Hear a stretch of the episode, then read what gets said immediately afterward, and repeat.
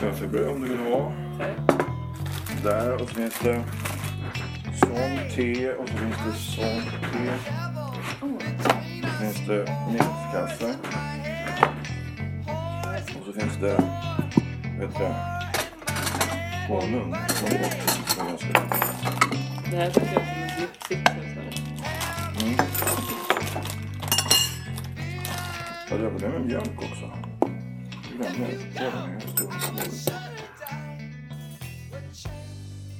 I första avsnittet av So söker pratade jag med konstnären Rolf Bergström. Vi pratade bland annat om humor, humor som konstnärligt redskap. Eh, han tipsade då om Dan Wolgers och sa att om jag är intresserad av humor och konst så ska jag prata med Dan. Dan är också konstnär och har både pluggat och varit professor på Kungliga Konsthögskolan. Jag kontaktade Dan och vi sågs i hans ateljé men det visade sig att Dan inte alls jobbar med humor. Nu kastas ni direkt in i vårt samtal. Välkomna. Um, Rolf sa ju också att du är en av få som använder humor som eh, konstnärligt redskap. tror jag. Mm. Vad, varför är det så få som gör det?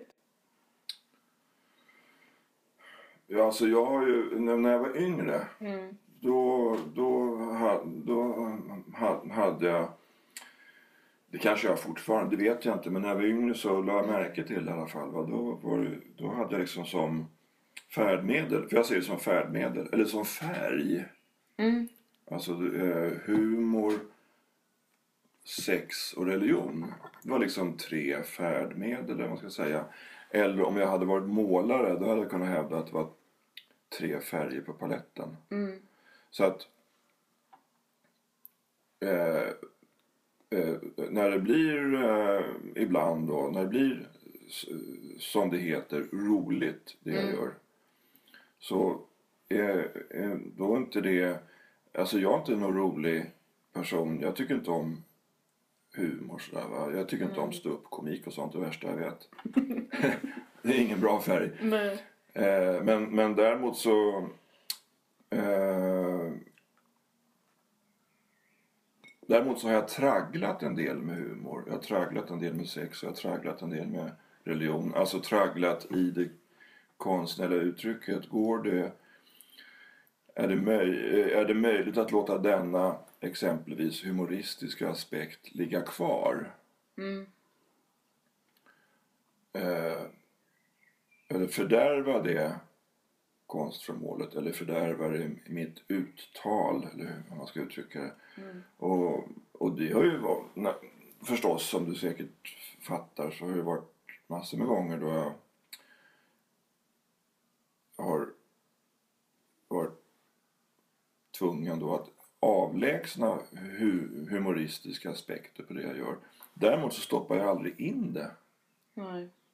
Alltså för det är mer en dialekt, alltså på, på liknande sätt som sex eller religion eller andra saker. Mm. Och eh, just nu så håller jag på med en utställning. Alltså för jag själv tycker nämligen att mina saker är jättetråkiga. Att de ser tråkiga ut Ja. och har tråkigt uttryck. Eh, vilket jag alltså eftersträvar. Alltså det högsta jag kan tänka mig det är om, om eh, en konstnärssaker är torra. Det är ett begrepp som jag har lånat av Björn Hovström. Det är möjligt att han använder det på ett annat sätt men jag förstår honom som att, att han anser att det torra är det högsta. Det får han svara på själv om han tycker. Men det är så jag har förstått honom sen någon gång på 80-talet då han introducerade begreppet för mig vid vid ett tillfälle. Eh, och, och torra, det ligger då i närheten av tråkig. Sådär va. Så just nu håller jag på med en utställning som, ska ha, som öppnar i höst. Va, som jag har funderat på i många år. Som går under arbetsnamnet Tråkutställningen. Och det är... Det i sig blir ju roligt. Ja, det, det, det blir det va. Mm. Det, det, eh, det, det kan liksom inte riktigt hjälpas. Nej. Och då har jag plockat ut de absolut tristaste sakerna jag har va. Och tittar man på dem tillsammans. Ah, det går ju inte alltså. Det blir ju jätteroligt. Men jag kan liksom inte riktigt hjälpa det va. Nej. Det är saker som ser trist ut, som tar några uttryck eller någonting. Så, så att, så att eh, avsikten är inte att vara rolig utan det är eller, eller erotisk eller eh, det, religiöst predikande. Men eh, det, det, blir, det blir en reflektion eller vad man ska säga. Alltså, alltså, det kommer en, en ref, när betraktaren, eller jag själv, tittar på någonting jag gör så, så, så kommer liksom ett återsken som är humoristiskt eller någonting. Jag vet inte riktigt hur man ska uttrycka det. Det blir så onödigt djupsinnigt sådär va. Men din fråga, den var i själva verket varför håller inte andra på med humor? Ja, hur? det var det. det var det, var det du frågade. Mm. Men du håller ju inte på med humor? eller? Nej, jag gör ju inte det. Nej.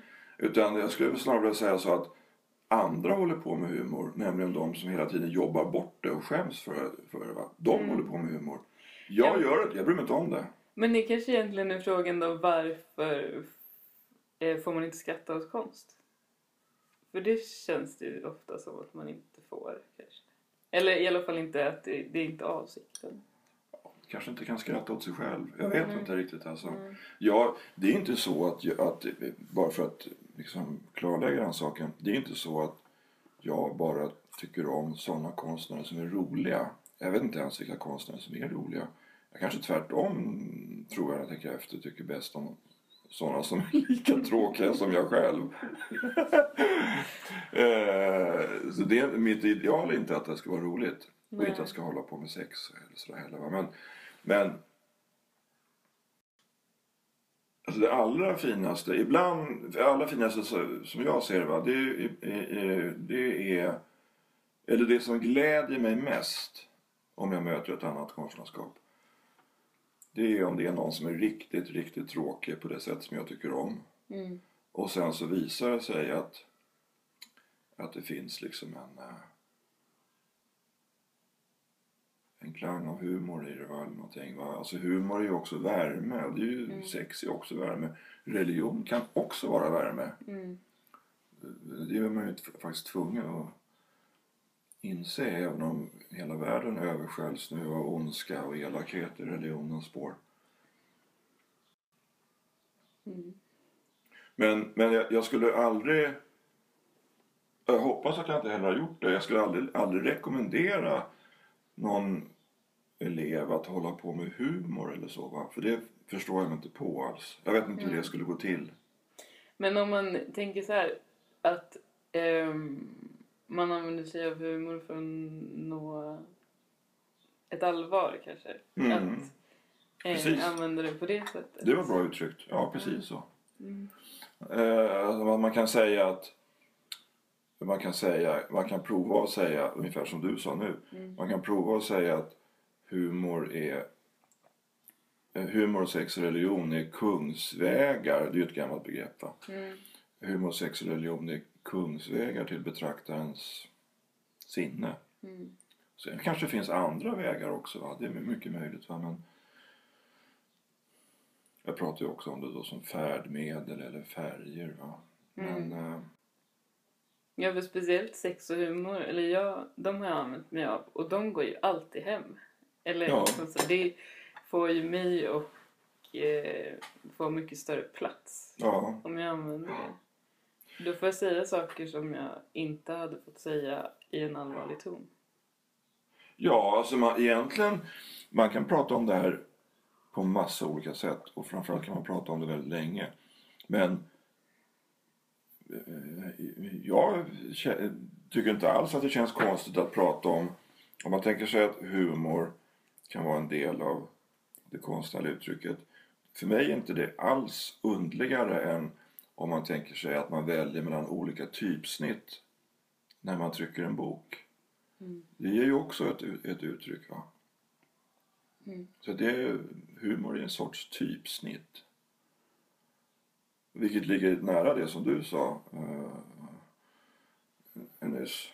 Om eh, hur man kan nå fram. Mm. Alltså, eh, alla vet ju att en illa satt text i en bok, den går nästan inte att läsa. Nej. Och ändå är det samma textinnehåll.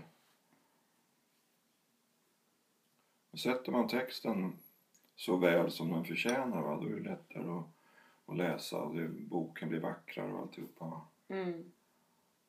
Men att det, ska, att, det ska, att det ska vara roligt, det är ju ingenting jag eftersträvar.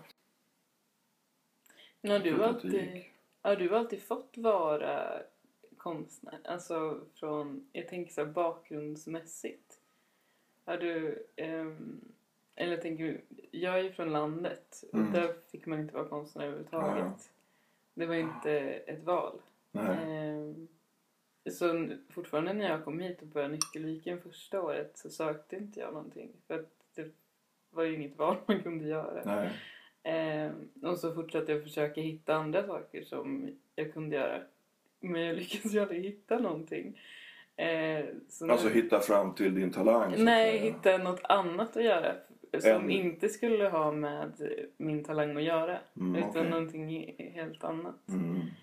Men nu har jag, jag har ju inte lyckats med det. Så nu har jag ju kommit tillbaks till Mm. där jag började och tänkt att nu får jag väl bara acceptera det här. Är det en triumf eller ett nederlag? Det är ganska skönt i alla fall. Jag vet inte... Nej, jag. Nej jag, jag tycker nog bara att det är eh, skönt. Att, det är, Mm. att jag förtjänar lite ro. Alltså jag har ända sedan jag var barn har jag vetat vad konst och konstnärer var för någonting. Jag visste att det fanns. Mm. Och det när jag var barn så, och när jag var barn och väldigt ung så gjorde det mig trygg. Mm. Jag tror att jag uppfattade, det var nog så att jag uppfattade konstnärer som en reservfamilj på något sätt. Reservmammor, reservpappor. Nästan medvetet tror jag, Mm. när jag var barn. Mm. Men jag hade aldrig tankar på att jag skulle bli konstnär förrän jag kom just till Nyckelviksskolan. Då, då min lärare på trä som hette Björn Ölander efter drygt halva läsåret så sa han till mig att du kan inte hålla på så här längre. eh, för du ska, du ska gå på Mejan. Ja. Och jag visste vad Mejan var. Ja. Och då när han sa det, va, då, det var verkligen en aha-upplevelse. Man får ju några sådana där aha-upplevelser i sitt liv om man är lycklig. Och det var ett sånt. Mm. För jag fattade att det var rätt. Eller jag fattade att han hade, ja, jag fattade att han hade täckning för det han sa. Mm. Jag trodde på honom. Mm. Bums. I samma ögonblick han sa det. Var bara att jag hade aldrig tänkt på det. Va? Inte någon enda gång. Nej. Och ingen hade sagt det till mig heller. Va? Det var han som sa det. Va? Och då allting föll på plats. Mm. Så att jag har alltid vetat om att konst finns. Och alltid känt någon sorts trygghet i det. Sådär, va? Men jag har, jag har ju aldrig, jag, jag, när jag var barn, jag höll aldrig på att rita och måla och sånt. Va? Däremot tänkte jag mycket. Och, och jag märker ju nu att när jag är äldre, nu och 60 och sådär. Så märker jag att en jättestor del av och det delar jag med många naturligtvis, men jag lägger märke till det också hos mig själv. En jättestor del av, av det konstnärliga arbetet är ju att tänka. Mm. Alltså, vad heter det? Reflektera Mm. över ah, de mest löjliga grejer. Va? Det, det, det är vi många som gör, va? eller det gör väl kanske alla människor. Va? Men det är ju inte alla som får för sig att tänka på tråkiga saker och sen göra tråkiga saker som jag gör. Det har ju blivit mitt öde. Nej, det, men någon ska väl göra det. Ja, någon ska göra det. Jag känner mig lite grann som en soldat. Va? Det, det gör jag faktiskt. Ja. Men En konstsoldat. Ja, för jag pratade med, jag intervjuade Sara Teleman förut. Eh, innan jag kom hit. Hon har jobbat på Jaspis och är illustratör. Ehm, och vi pratade mycket om att ha privilegiet att få vara i det, eftersom det är så liten klick som får jobba med att vara konstnär eller illustratörer och sådär och vilken grupp människor det är och så. Och då sa hon att ehm, lite samma sak, man får se sig som en soldat, att man gör det möjligt för andra. Om man nu tar den här vägen själv så visar ju det en annan grupp människor i nästa generation att det finns en väg att gå kanske.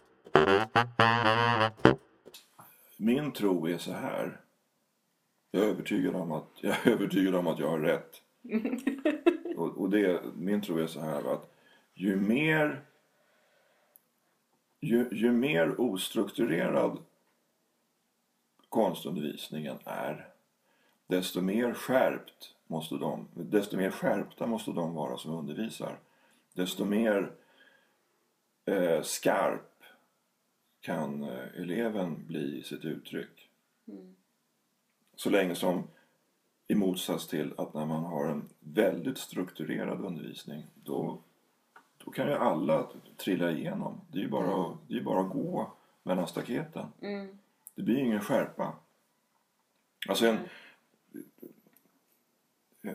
somliga tror ju att om man inte har strukturerad undervisning så blir allting ostrukturerat. Det är precis tvärtom. Mm. Om man seglar på sjön, alltså om man seglar utan sjökort så måste man vara väldigt skärpt. Mm. Och hålla koll på allting. Strömmar, vind, stjärnor. Mm. Man måste vara fruktansvärt uppmärksam. Va? Och det är, med en liknelse då, det är det som jag förordar. Att man ska segla utan sjö, sjökort. Men det blir mycket roligare då. Det blir mer på allvar. Man Ja, ju... det är, det är ju på blodigt allvar. Mm. Segla med sjökort, ja det är också, det är inte så lätt det heller va. Men, men, eh, och det förefaller ju så säkert och förnuftigt att segla med sjökort. Ja, det kanske är förnuftigt va, men man kanske inte blir sjöman av det. Nej. Förstår du? Ja. Och, och, det, och, det kan, och den attityden kan man ju säkert tillämpa på andra håll. Va? Nu kanske jag inte förordar att man ska in, göra det inom läkarvetenskapen. Va? Men man får göra med urskiljning. Men jag tänker att det är en bekräftelse på eh, att man har eh, kunskap. Att göra det på det sättet. Ja. Eller att man eh, besitter någonting som är värt. Ja, man tänker, man tänker på de så kallade naturfolken i Polynesien. Mm. De hade ju inga kartor. De var ju eh, fortfarande oöverträffade som Mm. sjömän. De var helt fantastiska. Alltså. Det är helt obegripligt hur de kunde bära sig åt Mm. för att navigera mellan öarna. Det, Ja. det var konstnärer det. Eller hur? Det går ju. Eller jag tänker att det blir trist om man ska följa sjökort hela tiden. Ja, det är klart det blir ju dugligt och man kan mötas i farleden och, och, och hissa och hala flagg och vara trevliga mot varandra och kindpussa och alltihopa det där i farleden. Saknas, Men det kan någon annan göra. det saknas något där.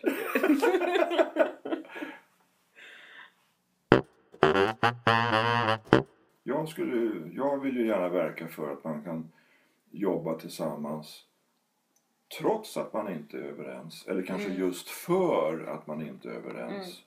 För att om man lyckas bringa en grupp till att alla är individer och de ändå kan verka tillsammans. Då har man ju fått fram en av grunderna till att var och en ska kunna finna ett självständigt konstnärskap.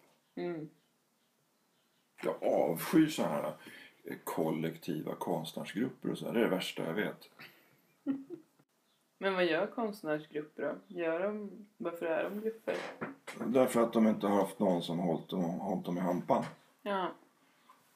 Okej. Man ska ha någon att hålla i hampan. Det ska man alltid ha. Vem är den? den? Det är den som, som, det är den som, som eh, tröstar dem. Och säger stackars dig som blev konstnär men vi ska se om det ska gå upp på något sätt. Ja.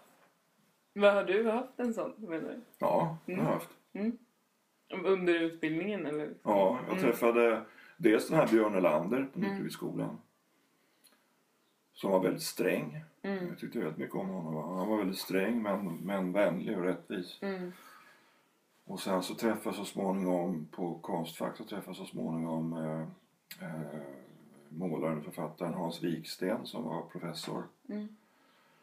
Och sen så hade jag som tur så att jag hittade en särskild person på skolan. En, eh, som gick en klass över mig. En kille som målade som heter Ola Gustafsson.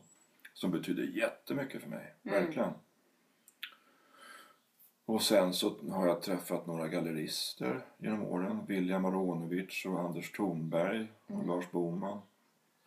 När jag var yngre då. Och, och Pontus Hultén som var eh, museiman. Mm. Massa män. Men, eh, så är det. Eh, och, och ingen av de här personerna umgicks jag med eller var liksom kompis med. Va? Eh, För det är inte det som är det viktiga. Utan det viktiga är att, eh, att man ser någon. Att man ser någon som... eh, Att man uppfattar att den personen ser en. Det kanske är tvärtom. Det kanske är så man ska eh, formulera. Va? Att man ser att man är sedd. Mm. Sen behöver man inte ha dialog. Nej. Man behöver inte vara kompisar och gå på varandras middagar och så. Va? Man behöver inte ha nätverk. Så det räcker att man ser att man är sedd. Det betyder väldigt mycket. Alltså. Mm. Så att på det sättet har jag haft en väldig tur. Mm. Verkligen. Man ska ha tur också. Va? Det, det hör till. Alltså. Men, men alltså, jag, jag, jag brukar säga det och jag tror verkligen att det är sant faktiskt. Att om man, om man arbetar väldigt mycket. Alltså exempelvis som eh, eh, konstelev. Mm. På skolor och så. Att om man arbetar väldigt mycket. Då får turen mycket större träffyta. Mm. Och det där tycker jag faktiskt är sant. Alltså, va? Det låter ju som ett skämt, va? som humor. Mm. Men det, jag tycker inte att det är det. Va? Jag, har inga, jag har all respekt för att man arbetar lite. Det är, det är, inget, det är inget fel att arbeta lite. Va? Det, det, så kan det vara. Va? Så är det för mig också. Långa, långa tider kan det vara så att jag arbetar väldigt lite.